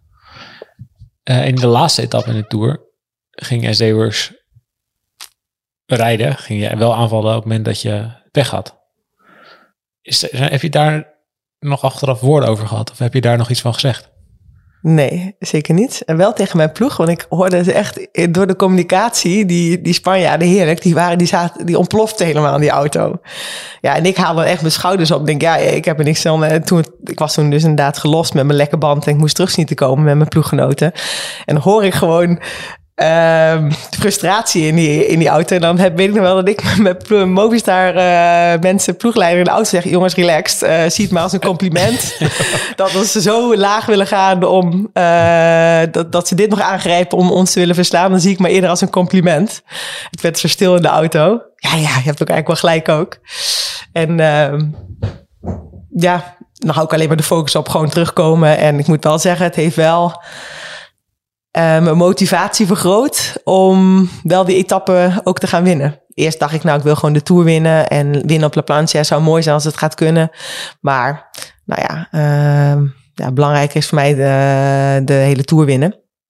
Maar toen dacht ik wel van, ja, nu kunnen jullie ook wat. Dat haalt dan wel echt het beste in me naar boven en het meeste vuur. Want voor de etappe ja, je bent, hebt er al afval gezien, je bent er al bijna. Je hebt eigenlijk niet zo zin meer om nog vanuit onderaf aan, wat natuurlijk normaal mijn, stijl is, vanaf onderaf aan aan te vallen. Maar ik heb wel gedacht in de etappe, ja, wat zouden ze nu allemaal niet willen, mijn concurrenten? Dat is eigenlijk dat ik wel vanaf onderaf aan ga. Ehm terwijl ik van tevoren met Louis had besproken, van ik denk dat het misschien ook naar mijn hand zou kunnen zetten door pas in de laatste anderhalve kilometer, als het echt heel stijl wordt, pas te gaan. Dus ik had die twee opties een beetje in mijn hoofd. Maar toen was ik overtuigd. Van onderaf aan. Bam. Dat kan je het krijgen ook. Nou, Heb jij Ellen van Dijk daar nog over gesproken? Ja. Vond ik ook heel tof. Ik had ook even haar podcast geluid, maar ze stuurde me gelijk ook al een berichtje van eh, dat ze dus niet bij oké bij voelde. Ik moet ook zeggen, andere trekrensen stuurden mij ook een berichtje. Ehm, ja, dat het niet hun keus was en dat het hun werd opgedragen vanuit de ploegleidsauto. En dat ze zichzelf ook qua, ja, gewoon niet zo goed bij voelden. En toen zei ik, oh, nou, super dat je een berichtje stuurt. En eh, dan, dan vind ik dat super cool. Ja. Dus ehm, ja, dat is, eh, dat is ook wel hoe ik Ellen eigenlijk ken, dat, eh, dat zij zich niet lekker bij voelde. Maar mooi dat ze dat mee uitspreekt. En is ook zand erover. Het is ook koers, ja. En dat snap ik ook. Het is soms ook gewoon werk. Je krijgt opdrachten en dan moet je dat doen.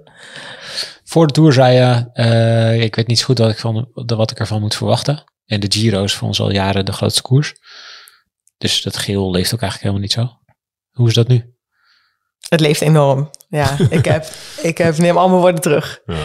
Ehm, het is ook het grootste wat ik heb gewonnen in mijn carrière. Deze eerste Tour de France. Groter dan de Olympische Spelen? Veel groter. dan de wereldkampioenschap? Veel, ook veel meer impact. Mensen hebben veel meer gekeken. Het was ook natuurlijk acht dagen op tv. Ik merk ook hier in Wageningen dat eh, ja, mensen ook die niets hebben met fietsen, hebben dit ook zitten volgen. Ook heel veel vrouwen vond ik wel heel opvallend. Ehm, iedereen heeft er ook echt van genoten. Dus wat je bij de Tour hebt, dat het mensen trekt. Voor de mannen Tour bedoel ik, eh, mensen die ook niet zoveel met fietsen hebben, gaan dan opeens ook kijken. Dat hebben wij ook bewerkstelligd met deze Tour. En dat was tof. Ik denk dat daarom ook de, kijkcijfers zo groot waren. Ja. Ehm, ook daarna toen ik terugkwam, was echt een gekhuis. Ik, ik dacht echt, wow, iedereen heeft echt... Ik had echt het gevoel dat heel Nederland had zitten kijken. Ehm, en ook onderweg, eh, daarna eh, nog weer teruggaan naar Italië in augustus. Als ik iedereen, iedereen weet mijn naam nu en schreeuw mijn naam na op de fiets. En eh, ja, dan kon ik gewoon aan merken dat de impact heel groot was geweest. Ja, je bent nu niet alleen maar bekend bij mensen die altijd naar wielrennen kijken, maar ook in de groep erbuiten. Ja, kijk, voor zo'n WK, dan moet je wel s ochtends vroeg om negen uur s ochtends de tv aanzetten. En dan bereik je alleen maar de echte wielerliefhebbers. Maar waar, hoe- merk je, als je naar de supermarkt gaat, dan, eh, weet, dan, dan word je aangesproken. Ja, valt allemaal best wel mee hoor. Maar nou ja, wel een beetje. Ja, dat is wel meer. Dus niet waar ik het voor doe overigens. is ook helemaal geen eh, motiverende factor voor mij. eh, impact hebben. Eh, wel motiverende factor is als mensen echt genieten van de koersen die we hebben. Als mensen zeggen, oh, dat, ik heb op een puntje van mijn stoel gezeten bij die WK-finale. Dan ga ik wel glimmen. Daar geniet ik wel echt van na. Dat vind ik wel heel tof om te horen. Ehm, maar dat ik ja, bekend, herkend word, dat is niet iets eh, wat ik. eh, nou ja, het is een bijkomstigheid. Ik zit niet op te wachten, maar het is helemaal niet zo gek uit. Ik kan nog steeds lekker uit eten hier in Wageningen. En mensen staan niet eh eh, me te storen allemaal dat ze een foto willen. Meestal als ik wegloop van de tafel, dan komt wel even de vraag. Maar eh, gelukkig laten ze me nog lekker ongestoord eten. Dus ik heb er geen last van. Word je wel eens verwisseld? Word je wel eens aangezien voor iemand anders? Ja, Ik had ken jou ergens van. Ja. Ben jij het? Ja, oh, laatst was ook in Italië. Zei ze, oh, gefeliciteerd, gefeliciteerd. eh, Marianne Vos, hè? Moet ik zo lachen? ja, ja, dank je. Dan zeg je maar ja. Ja, Ja. ja. Het is geen verkeerde om Dus, eh, verwisseld te worden. Zo kwam even een naam bij hun op. Ja, nee, zeker niet. Nee. Je hebt nog geen enorme villa gekocht. Nee. En ik heb ook nog steeds dezelfde auto. Is, eh, merk jij ook dat er veel meer geld in het vrouwenwielrennen wordt gepompt? Ja, Wordt geld nu eh, meer een motivatie? ik hoop van niet. Ehm, in het huidige peloton zeker nog niet. Ehm, al die meiden die er nu achter zitten, doen het echt nog vanuit passie, vanuit de sport. En dat vind ik ook wel heel tof. En ik hoop dat dat eigenlijk ook nog een beetje blijft. Ehm, misschien voor de jongere meiden die nu voor de tv zitten kijken, die zien het nu wel als een beroep. Eh, waar eh, de huidige rensters die nu in het peloton zitten, die hebben het nooit, zijn nooit gaan fietsen omdat ze denken, hier kan ik mijn geld mee gaan verdienen. Ja. Dus dat is misschien een omslag. Nou ja, als er daardoor meer vrouwen op de fiets komen, dan eh, vind ik het prima. En als daardoor meer meisjes gaan fietsen, vind ik het ook heel mooi. En ook dat er een, het beroep is niet wielrenner, maar is man-vrouw breed. Dat zou ik ook heel tof vinden.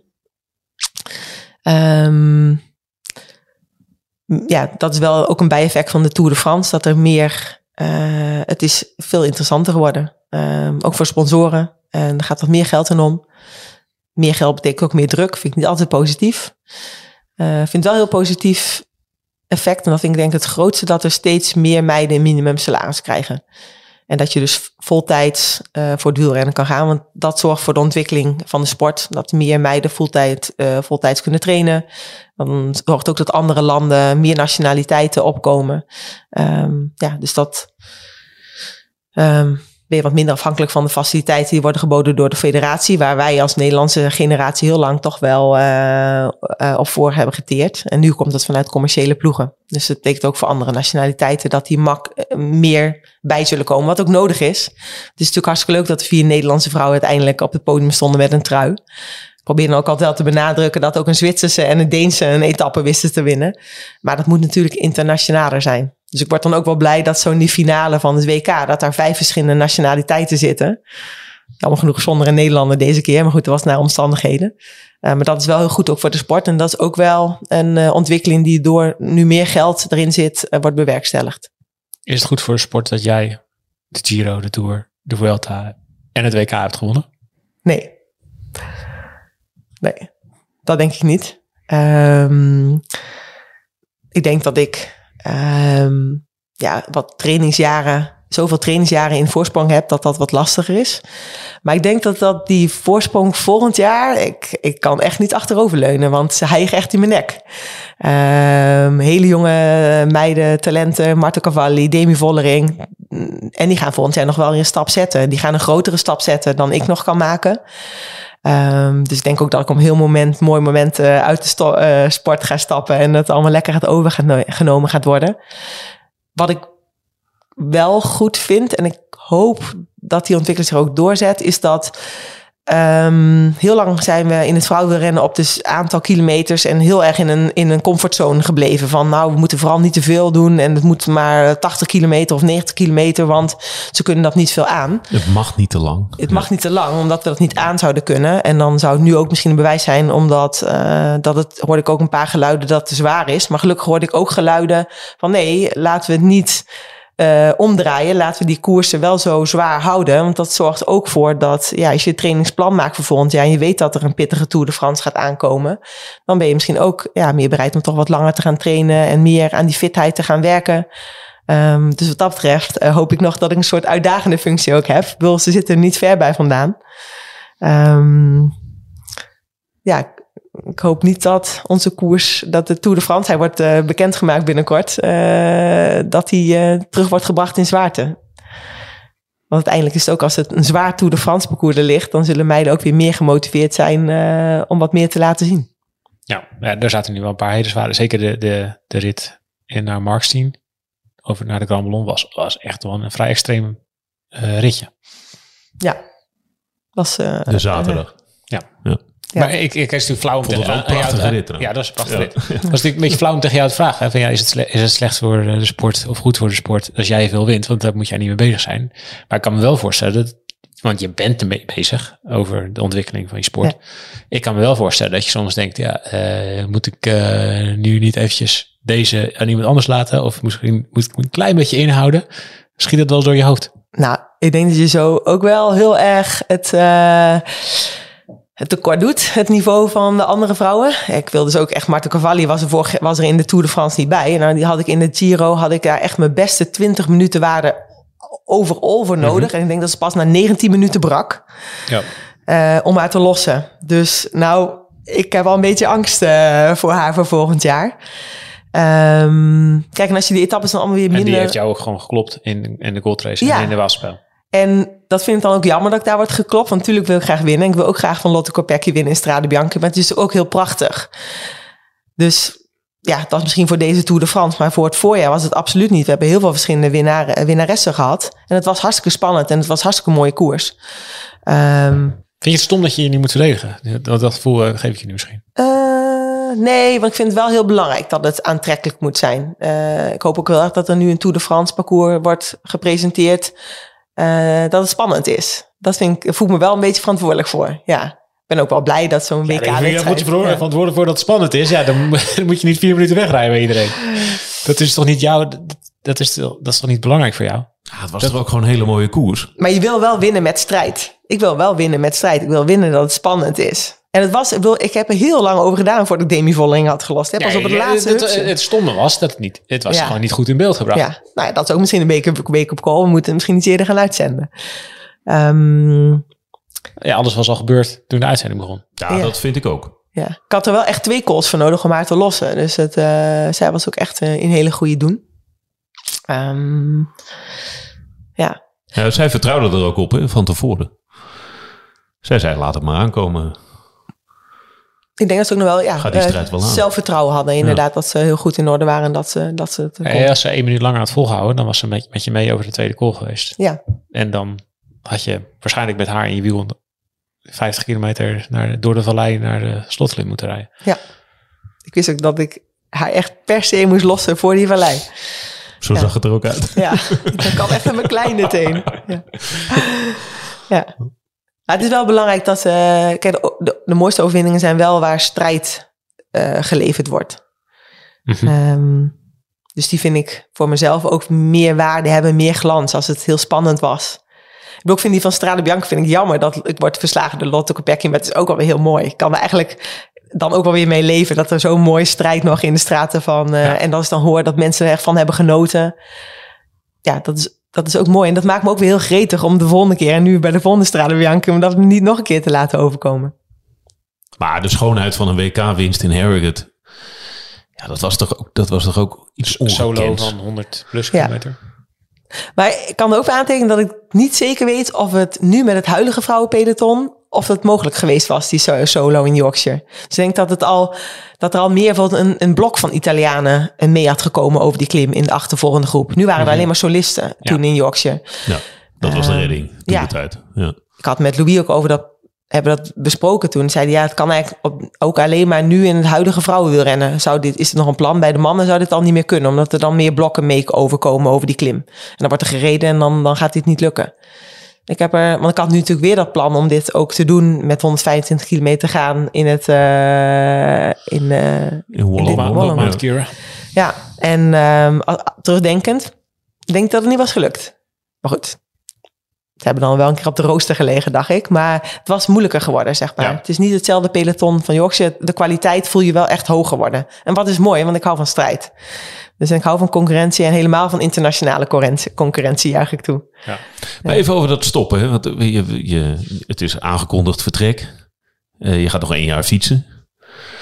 Je vindt het heel leuk. Je, vindt Je bent op je allerbest. Je wordt steeds, je wordt nog ietsje beter. Je hebt de afgelopen jaren eh, een hele hoop gewonnen, maar er valt ook nog iets te winnen. Waarom zou je in hemelsnaam stoppen?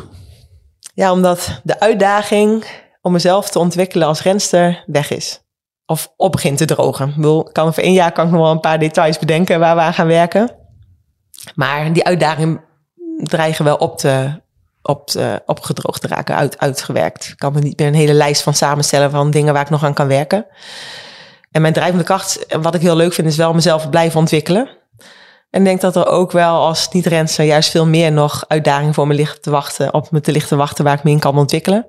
En ik heb wel zin ook daarom mee bezig te gaan. Dus ja, copy-paste, dat, eh, heb ik niet zoveel, heel veel, dat trekt me niet zo. Dat motiveert me niet. En ook dus dan je carrière zo, ja, nog een paar jaar eraan plakken, nog best wel niveau hebben. En ja, zou nog wel bij motiverende factor kunnen zijn om bij mijn team, zeg maar, wat er best wel een ontwikkel- ontwikkeling is bij Movistar, eh, om, om eh, daar nog een steentje, een steentje aan bij te dragen als, als actieve renster.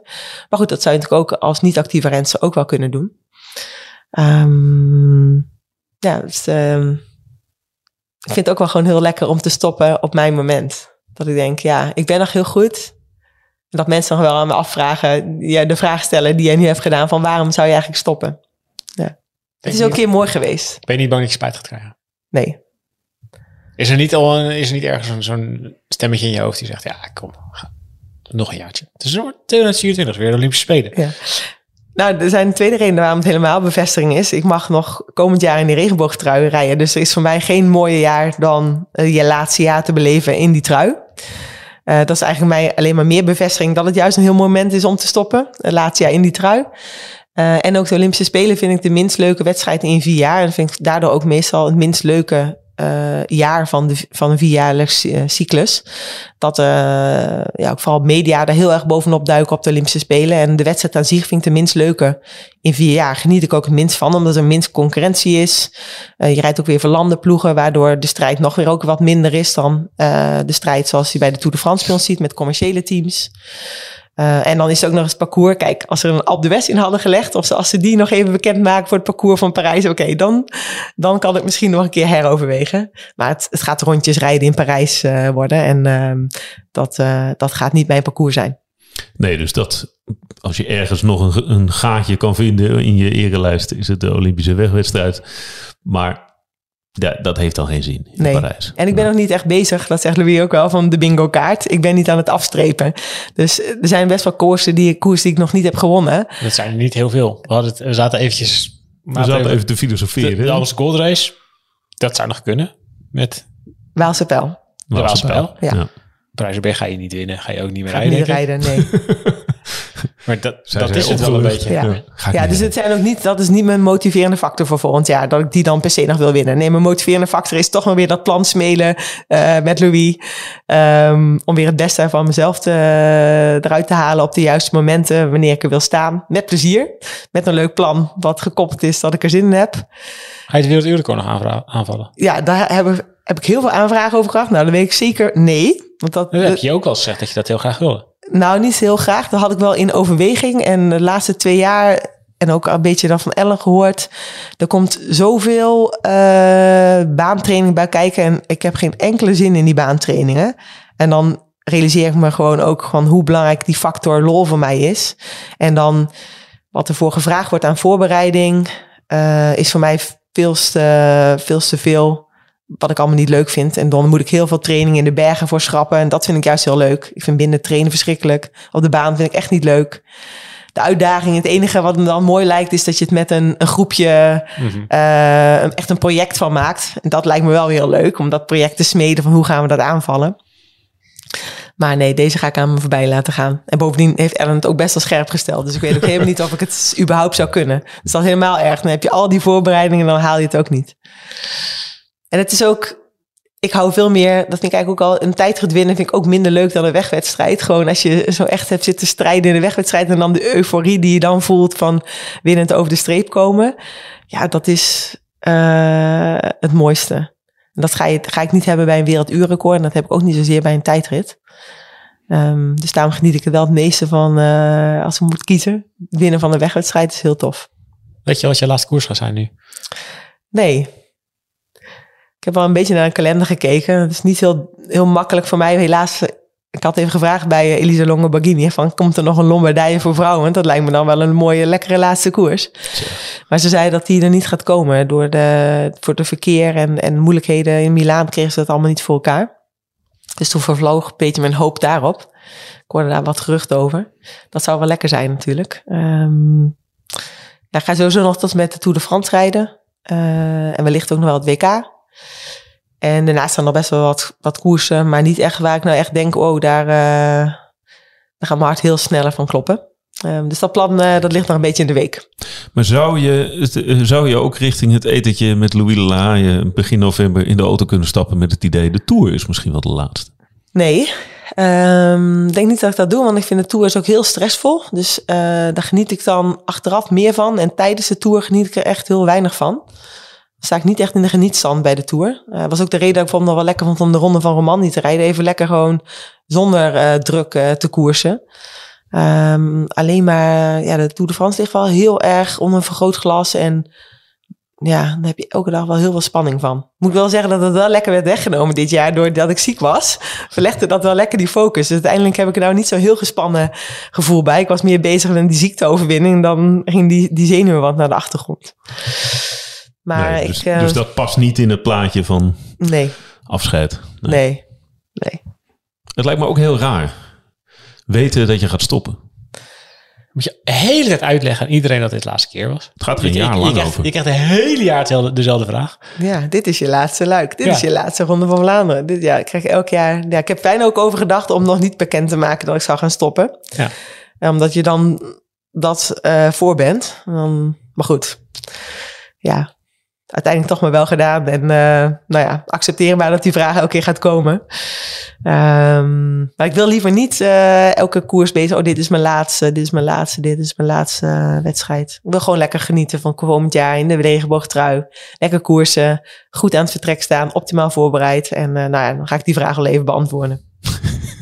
Ben je al bezig met wat je dan in 2024 wel gaat doen? Ja, nou dat zat wel een beetje achter waarom ik uh, bekend heb gemaakt dat ik ga stoppen. Um, ja, dat misschien ook mensen alvast kunnen bedenken van... Uh, oh, misschien kunnen we een samenwerking aangaan uh, met mij voor iets. Er komen her en der wel wat aanbiedingen binnen. Wat is um, iets? Wat zou je het liefste willen? Als jij nu zelf, mag, als jij nu zelf je, je nieuwe baan, of je nieuwe, de nieuwe Annemiek van Vleuten mag maken, wie, wie, hoe ziet dat eruit? Nou, dat moet ook weer iets zijn waar ik ben gericht ben op ontwikkeling van mezelf. Dus dat is die ontwikkeling die ik zoek als wielrenner. En die wil ik heel graag voortzetten als uh, ontwikkeling van mezelf als persoon. Um, waar ik nou, misschien mijn ervaring wel kan inzetten vanuit het wielrennen. en wat ik merk dat ik het heel leuk vind om met jonge atleten bezig te zijn. Dus ik hoop dat ik daar in die combinatie en mezelf dan ja, misschien als coach kan ontwikkelen. Um, al vind ik coach dan ook weer een heel vaag uh, iets. Dus ik weet niet in welke vorm ik dat ga gieten. Maar ik merk wel dat ik dat heel leuk vind. En dan zou het ook wat langere trajecten moeten zijn. Dus niet uh, één keer een uurtje met iemand even kletsen. Um, dus ik heb ook eens wat gedacht aan sportpsycholoog, bijvoorbeeld sportprestatiepsycholoog. Um, omdat ik wil ook wat meer, misschien ook ga ik wel echt een opleiding doen als coach of uh, psycholoog. Um, ja, om me daar zelf in te ontwikkelen. Misschien ook iets met mijn sportpsycholoog samen doen. Dat is wel, ik denk als me, wat mezelf kenmerkt als wielrenner, als ik terug ga naar mijn carrière, is denk ik meer uh, niet zozeer de dingen die ik heb gewonnen, maar meer op welke manier ik heb aangepakt. En als ik daar iets mee kan doen en ik daar iets uh, een volgende generatie kan helpen of inspireren, of um, ja, het mag ook buiten het fietsen zijn. Um, ik denk dat in het bedrijfsleven ook heel veel uh, performers zitten die af en toe ook wel wat valkuilen in kunnen. En um, ja, wij misschien ook iets mee zou kunnen doen.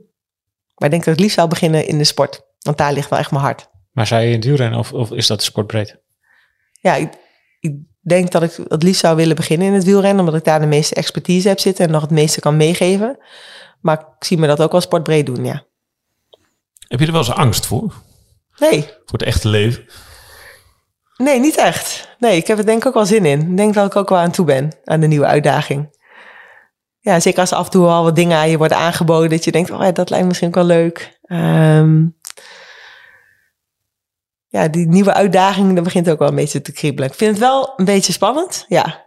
Want ik heb zoveel passie voor het wielrennen en mezelf erin ontwikkelen, dat het wel een uitdaging gaat worden om ook weer iets anders te vinden waar ik veel passie voor ga hebben. Net zoveel als ik voor het fietsen nu heb. Kan dat? überhaupt? Ja, als ik iets vind waar ik mezelf in kan ontwikkelen, dan denk ik dat ik daar, uh, en ik heb heel veel zin in die, in die nieuwe uitdaging. Het moet wel een uitdaging zijn, ik moet mezelf kunnen ontwikkelen. Dan denk ik het wel. Als ik, ik, ik als ik een uh, bedrijf ergens zou Ja, dat ik zou het ook wel weten. Ja. Een veelkleurige ja. loper uitrollen. En, uh... Ja, de vraag is vooral, denk ik, heb ik er zelf zin in? Krijg ik er zelf energie van? Ik heb natuurlijk best wel aanbiedingen, maar het moet, er, ja, het moet een beetje bij mij passen, denk ik. En um, ja, ook niet te vaag zijn. Wel een beetje, um, ja, wel een beetje goed omschreven rol. En ik wil geen copy-paste. Heb je geprobeerd om Tom Dumoulin uh, weer een beetje uh, op de rails te krijgen in, uh, in Livigno? Alle dingen die jij, die, die jij vertelt, zijn alle dingen waarmee hij worstelde. Kon je, kon je, zou je zijn coach kunnen zijn geweest? Ik heb denk wel al eerder met Tom een beetje lopen sparren. Um, als ik ja, met jongens ga fietsen, probeer ik al wel een beetje. Ja, herken ik af en toe wel wat valkuilen waar ik zelf ook al in ben gelopen. Of um, nou, ik heb altijd aan Tom inderdaad gevraagd van... Goh, was het voor jou als je terugkijkt nou heel slim uh, om naar Jumbo te gaan? Of uh, een beetje sparren van uh, waar, waar ga je weer je energie uithalen? Waar, waar ga je weer een blij persoon van worden? Een blije renner van worden? daar hebben we wel eens over gehad, zeg maar. Ja, waarom ik dan ook bewust voor Movistar kies, waarom dat bij mij past bijvoorbeeld. Um, en ik merk het ook bij jonge renners van Movistar, van de mannen. Als ik merk dat daar wat klik zit, dan kan ik daar ook al ja, leuke gesprekken mee hebben.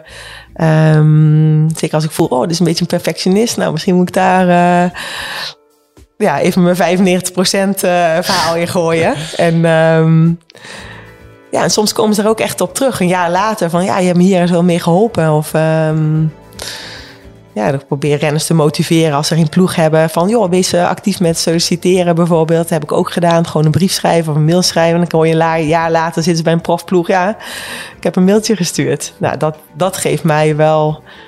Uh, ja, dan, heb ik, dan is mijn dag eigenlijk weer goed. Als je zoiets kan bijdragen, dus zoiets kleins te doen. Ja. Nou, het wordt... Uh, dat belooft wat. Van zen-boeddhist. Haal nu dat contract maar uit je, uit je tas. Kunnen we het zo neerleggen. Wij hebben allebei ook een coach nodig. Zoeken nog wel een coach. Ja. En ik moet nog beter leren fietsen. Nou, daar kan Thijs je wel bij helpen. Nou. Gewoon in het wiel. Ja. Blik op oneindig. Inderdaad. En dat wiel niet loslaten. En dan een draf sprinten. Dat kan, dat kan.